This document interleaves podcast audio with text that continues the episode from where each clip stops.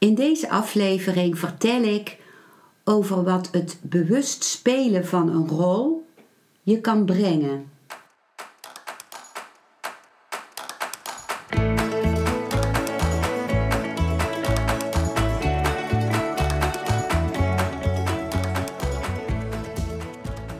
Welkom bij een nieuwe aflevering van Modita's podcast Van Pijn naar Zijn.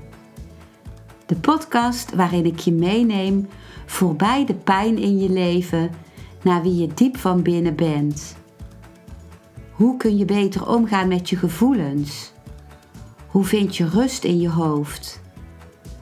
Wat zit er precies achter je pijn? En vooral, hoe kun je steeds meer jezelf zijn? Adem eens diep in en uit. Ik wens je veel luisterplezier.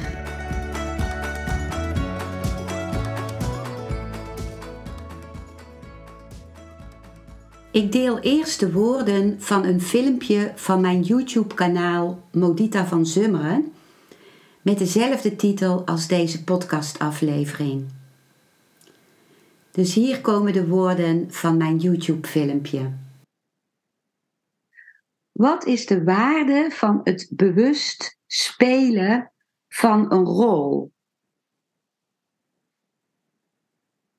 Ik herinner me dat iemand aan de Oosterse mysticus Osho vroeg, ehm, hier in het meditatiecentrum ben ik, kan ik gewoon helemaal mezelf zijn, kan ik uh, lachen als ik wil lachen, kan ik huilen als ik wil huilen, kan ik gewoon uh, ergens gaan liggen of zitten als ik rust nodig heb. En kan ik uh, uitspreken waar ik boos over ben? Of uh, kan ik ook gewoon helemaal niemand willen spreken? En als ik dan weer in de wereld kom, in de, wat Osho dan de marketplace noemt, dus de plek waar wij uh, zijn en geld verdienen en met anderen relateren en uh, weer met onze familie en vrienden zijn, dan kan ik, moet ik gewoon weer uh, in zo'n in zo'n rol van degene die, die op het werk is of die, ehm, die zich zus of zo moet gedragen. En dan weet ik niet hoe ik die brug moet maken. En wat, Osho, wat ik Osho dan hoor zeggen is, die uh, moedigde altijd aan om terug te gaan naar de plek waar je woont. En niet in het meditatiecentrum te blijven hangen. Die zei dan van, Osho zei dan van, uh, er is niks mis met een rol als werknemer of als werkgever, of de rol van de vader of de moeder, of de vriend of de vriendin. Maar speel de rol zo mooi mogelijk, zo goed mogelijk. En weet dat je hem speelt, dat het maar een rol is. En op het moment dat je dat doet, dan heb je afstand tussen jou en de rol. Dan ben jij de waarnemer, degene die alleen maar getuige is. En dat is een bewustzijn wat losstaat van al die rollen. Maar de rollen die kunnen je ook, uh, kleur geven aan je leven. En je voelt je dan geen bedrieger meer als je een rol speelt. Als je bijvoorbeeld een rol spelen is bijvoorbeeld uh, uh, een, een blij gezicht opzetten als je eigenlijk van binnen verdriet voelt, omdat je voelt dat je op je werk dat verdriet niet wil delen. Dan speel je een rol. Maar als je weet dat je dat masker opzet van blij zijn op je werk, omdat je dat masker wil gebruiken om je verdriet bij jezelf te houden of je verdriet wel te willen delen met je vrienden, of, maar niet met je collega's bijvoorbeeld, dan is het oké als je gewoon uh, weet dat je dat masker op hebt gezet. Dan is het iets wat bewust is en waar je een keuze in hebt. Ik heb zelf gedacht toen ik uh, therapie had gehad, ik had mijn medicijnenstudie onderbroken. Ik wilde aanvankelijk helemaal stoppen toen ik al zeven jaar bezig was, omdat ik dacht, het past niet bij mij om bezig te zijn met symptomen bestrijden, met medicijnen. Dat was niet mijn ding. Dus ik wilde helemaal stoppen, maar ik heb uiteindelijk muziek gemeld omdat ik me zo slecht voelde van binnen, zo depressief. En ik heb toen therapie gedaan en heb daarna mijn studie afgemaakt. En daarna ook als arts gewerkt een hele tijd. Maar ik had dus therapie gedaan. Ik was drie maanden geweest in een paasafdeling, een psychiatrische afdeling van een ziekenhuis. En had daar therapieën gedaan waarbij ik dingen ontdekt had van mezelf. Waarin we heel eerlijk waren in die therapiegroepen. Daar werden dingen gedeeld vanuit je binnenste, vanuit uh, uh, je pijn, je verdriet, ook je echte vreugde. En ik voelde me daar zo echt. Ik voelde als ik in, de, in het weekend met de bus naar huis ging en ik hoorde waar mensen het in de bus over hadden, over in mijn ogen hele oppervlakkige dingen, van, van welke rok zal ik gaan kopen of uh, wie is er uh, de, wanneer ziek geworden of dood gegaan, maar op een hele oppervlakkige manier, dan dacht ik van wie is er nu gek? De mensen in de bus of ik? En gek is natuurlijk al een hele rare label om te geven aan mensen. Maar ik, ik was daar in contact gekomen met zo'n echt stuk. En toen kwam ik terug in mijn medicijnenstudie om de stages die ik nog niet gelopen had af te maken. Dus ik kwam op de afdeling chirurgie en bij de spoedeisende hulp en de, de artsen daar die vroegen waar ik al die tijd was geweest. En ik, ik zei, nou, ik ben opgenomen geweest bij de psychiatrie en ik heb daar dit en dat ervaren. Ik heb daar zoveel kostbaars ervaren. En ze keken me aan, ze draaiden om zonder iets te zeggen en ze liepen weg. En dat deed mij heel veel pijn. En ik, uh, ik beschuldigde hen eigenlijk daarvan. Van waarom kun je niet luisteren en wat, wat maakt dat je nu wegloopt? En later heb ik me gerealiseerd dat dit niet de plek en het moment waren om het te delen.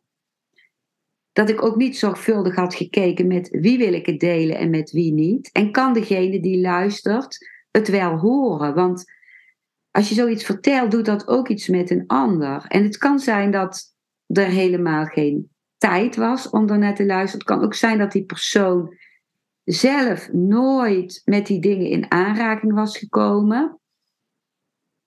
En het heel bedreigend was om erover te praten. En ik zag toen later dat ik mezelf onnodig pijn deed als ik dingen te pas en te onpas met mensen ging delen waar mensen er niet voor open stonden. Dus dat het in bepaalde situaties voor mij beter was om het masker op te zetten van alles gaat goed, of misschien een leugentje te vertellen van waar ik dan in die tussentijd was geweest, of het wat een beetje te omzeilen. En dat vond ik toen in die tijd niet eerlijk of niet puur. Maar wat is puur? Puur kan ook zijn als je bewust besluit om iets niet te laten zien. En je bewust bent van dat je op dat moment een rol speelt. Wat ook heel confronterend was, was voor mij toen ik, uh, ik was co-assistent, dus in mijn medicijnenopleiding. En ik had altijd een witte jas aan met uh, een stethoscoop erin. Dus echt het, het, de buitenkant uh, helemaal compleet van de arts.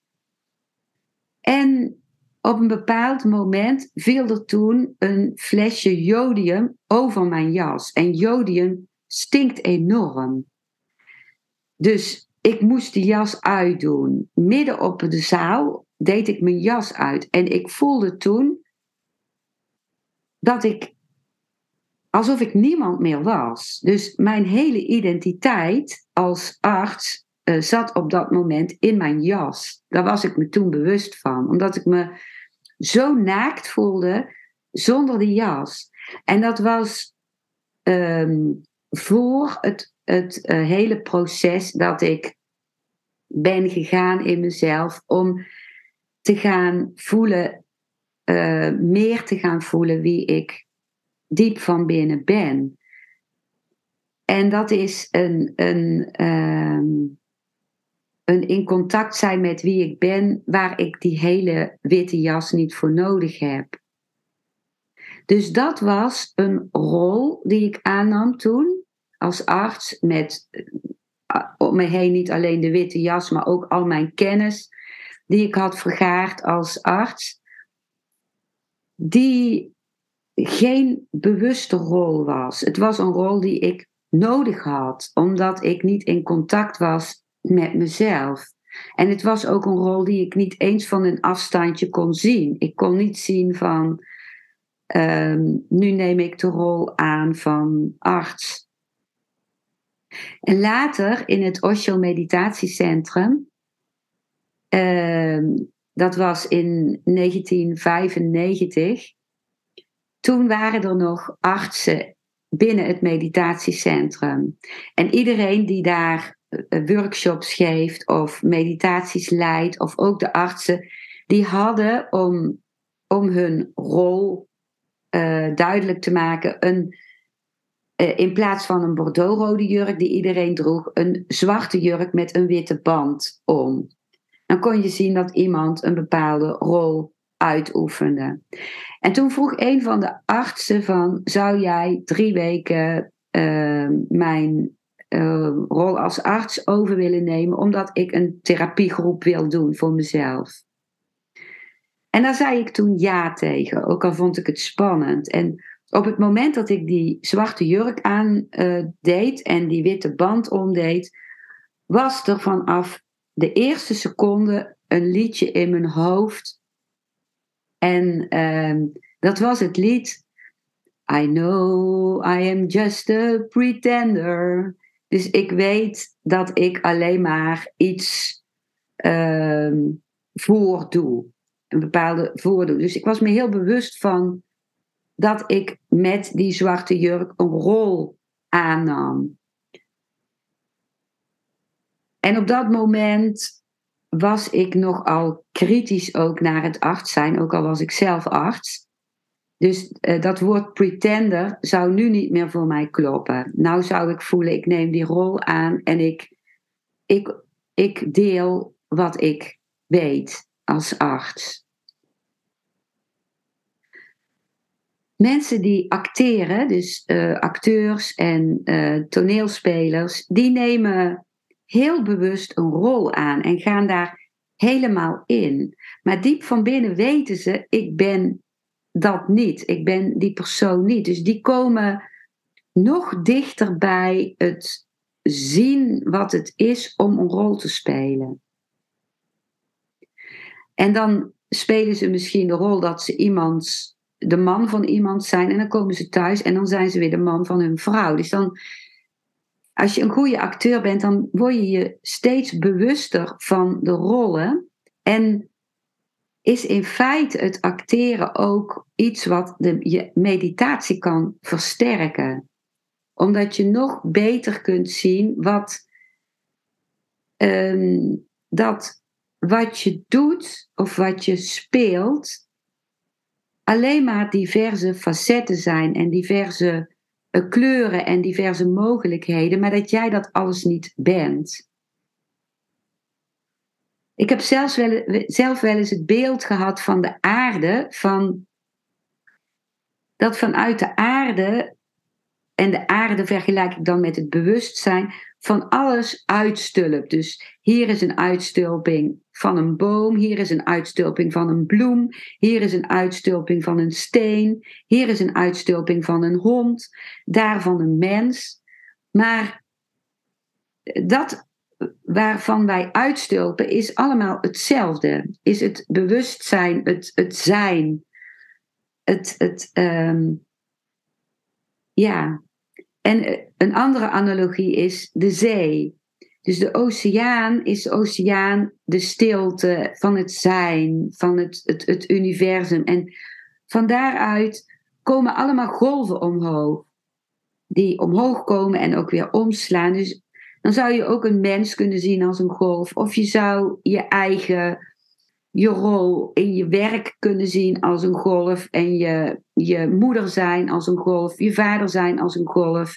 Het kind zijn als een golf. Maar het zijn alleen maar vormen.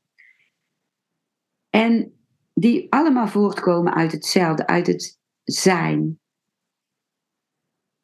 Maar ik wens je ook heel veel genieten en een, een vreugde in het ervaren van de verschillende rollen. Omdat dat ook uh, ons leven op aarde is en onze levendigheid geeft. En het mooie van deze tijd is ook dat, dat we zo vaak van rol kunnen veranderen. Vroeger had je je hele leven hetzelfde werk.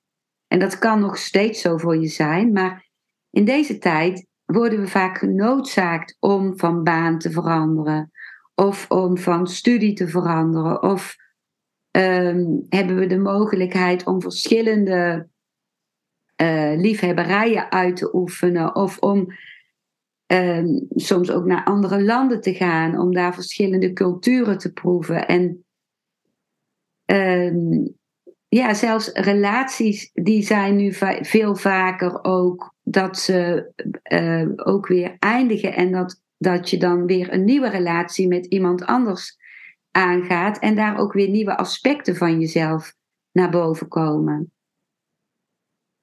Sommige mensen zeggen tegen mij van ik wil geen andere rollen spelen, want ik wil mezelf zijn.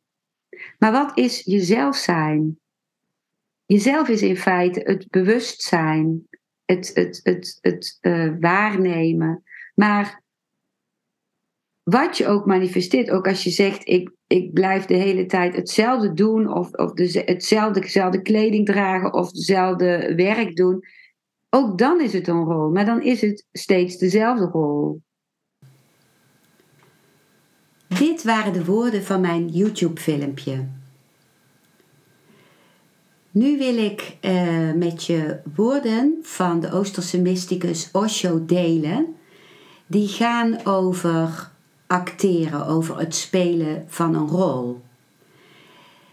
En ik heb hier de tekst van Osho in het Engels voor me en die uh, vertaal ik ter plekke. Dus misschien zal het hier en daar een klein, zal er een kleine pauze zijn tussen de woorden.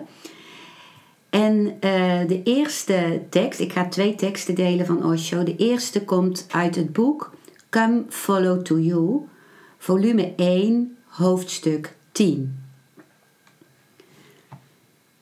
Iemand zegt dan tegen Osho dat hij voelt dat hij als een acteur is in een toneelstuk en dat hij niet altijd houdt van zijn rol daarin.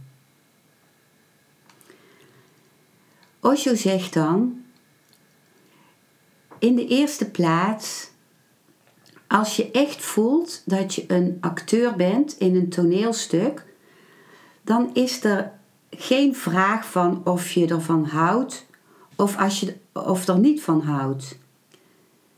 Dan kun je niet zeggen, soms houd ik niet van mijn rol in dat toneelstuk.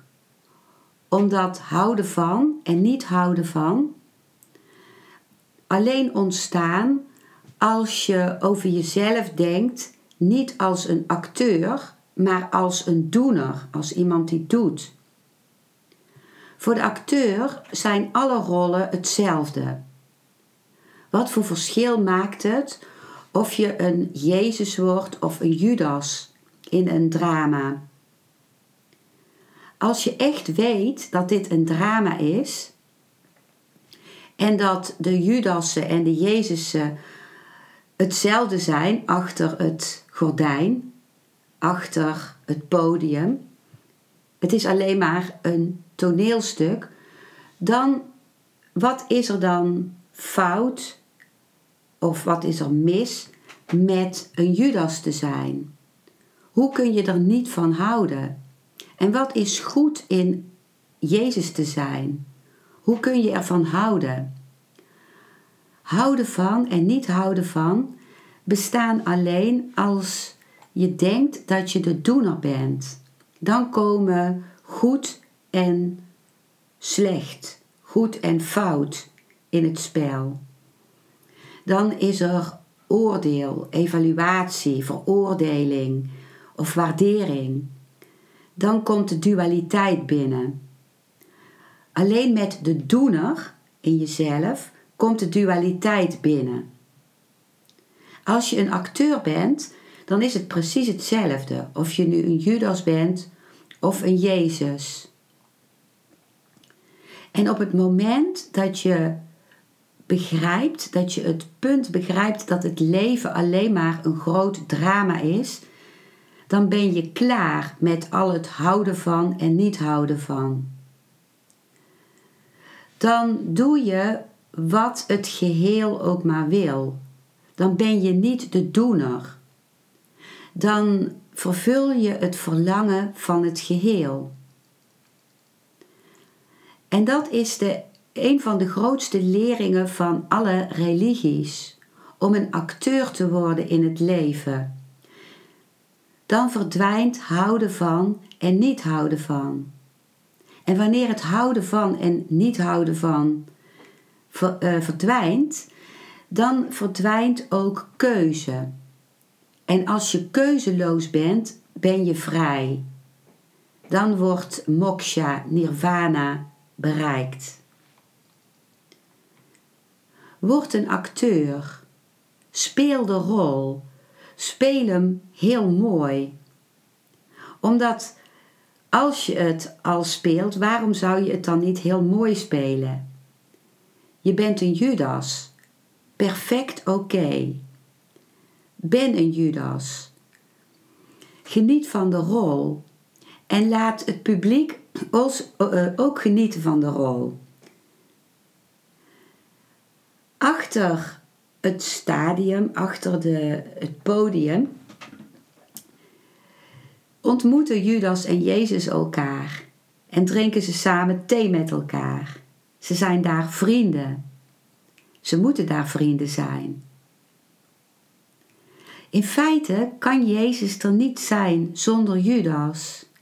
Iets in het verhaal zal dan missen. Iets heel essentieels zal dan missen. Denk eens aan Jezus zonder Judas. Het christendom zal niet mogelijk zijn. Er zou zelfs geen sprake zijn geweest van Jezus zonder Judas.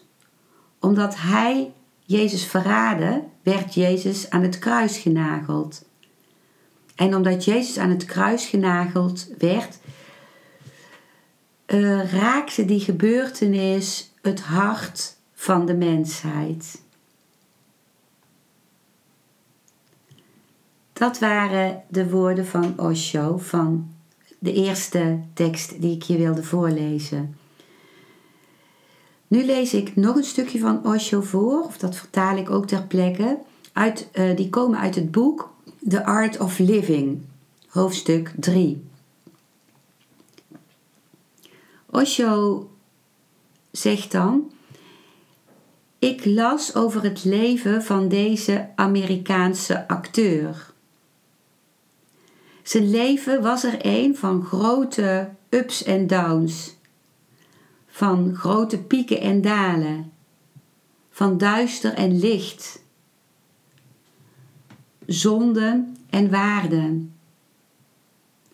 Maar ik, ik was verbaasd over zijn laatste woorden. En ik wens dat zijn laatste verklaring die was over wat hem het meest rusteloos maakte in zijn hele leven, dat dat jou ook rusteloos zou maken. Hij zei: Mijn grootste probleem is dat ik zoveel verschillende karakters heb gespeeld. Ik heb zoveel geacteerd in mijn leven. Ik ben zoveel mensen geworden dat ik nu niet kan besluiten wie ik ben. Soms was, speelde hij het karakter van Shakespeare in een toneelstuk. En soms speelde hij een ander karakter in een ander toneelstuk. Soms was hij een heilige in een of ander verhaal. En soms was hij een zondaar in een ander verhaal. Hij speelde zoveel karakters in zijn leven dat hij uiteindelijk zei: Nu kan ik niet meer begrijpen wie ik nu echt ben. Ik moest zoveel karakters spelen. Ik moest zoveel gezichten aannemen dat het nu niet langer meer duidelijk is wat mijn eigen gezicht is. Het tweede diepgaande ding dat hij zei was: Wanneer ik ook maar het podium opga om een karakter te spelen, dan voel ik me op mijn gemak. Dat is omdat het niet nodig is om daar mezelf te zijn. Er moet een karakter gespeeld worden. Dus ik voel me compleet op mijn gemak. Ik speel het. Om in een rol te stappen is gemakkelijk. Maar om eruit te stappen, om eruit te komen, dat is complex. Zo gauw als ik van het podium afkom nadat ik het karakter heb laten vallen, begint onmiddellijk mijn dilemma. Want wie ben ik nu? Daarvoor was het helder wie ik was, maar wie ben ik nu?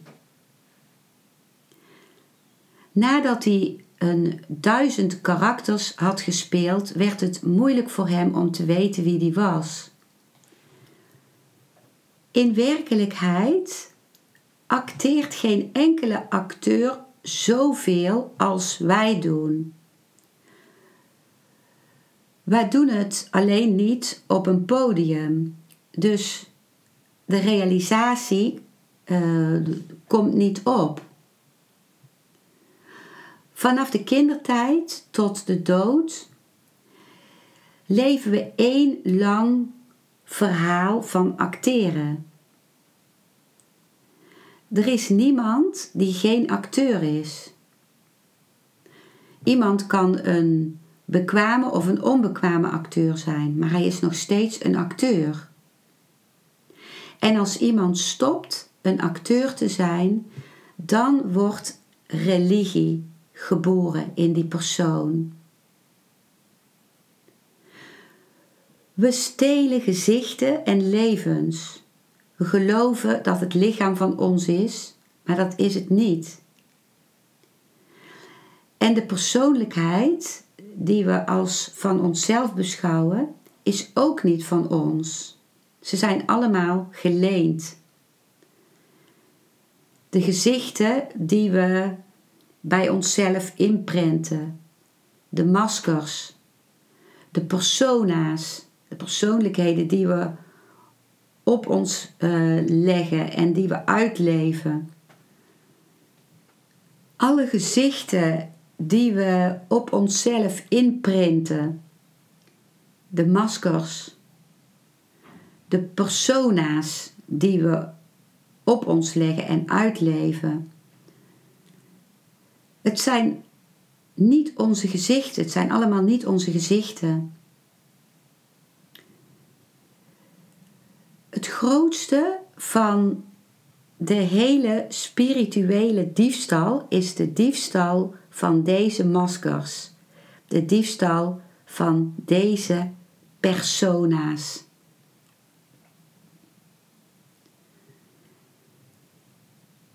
Dit waren de woorden van Osho.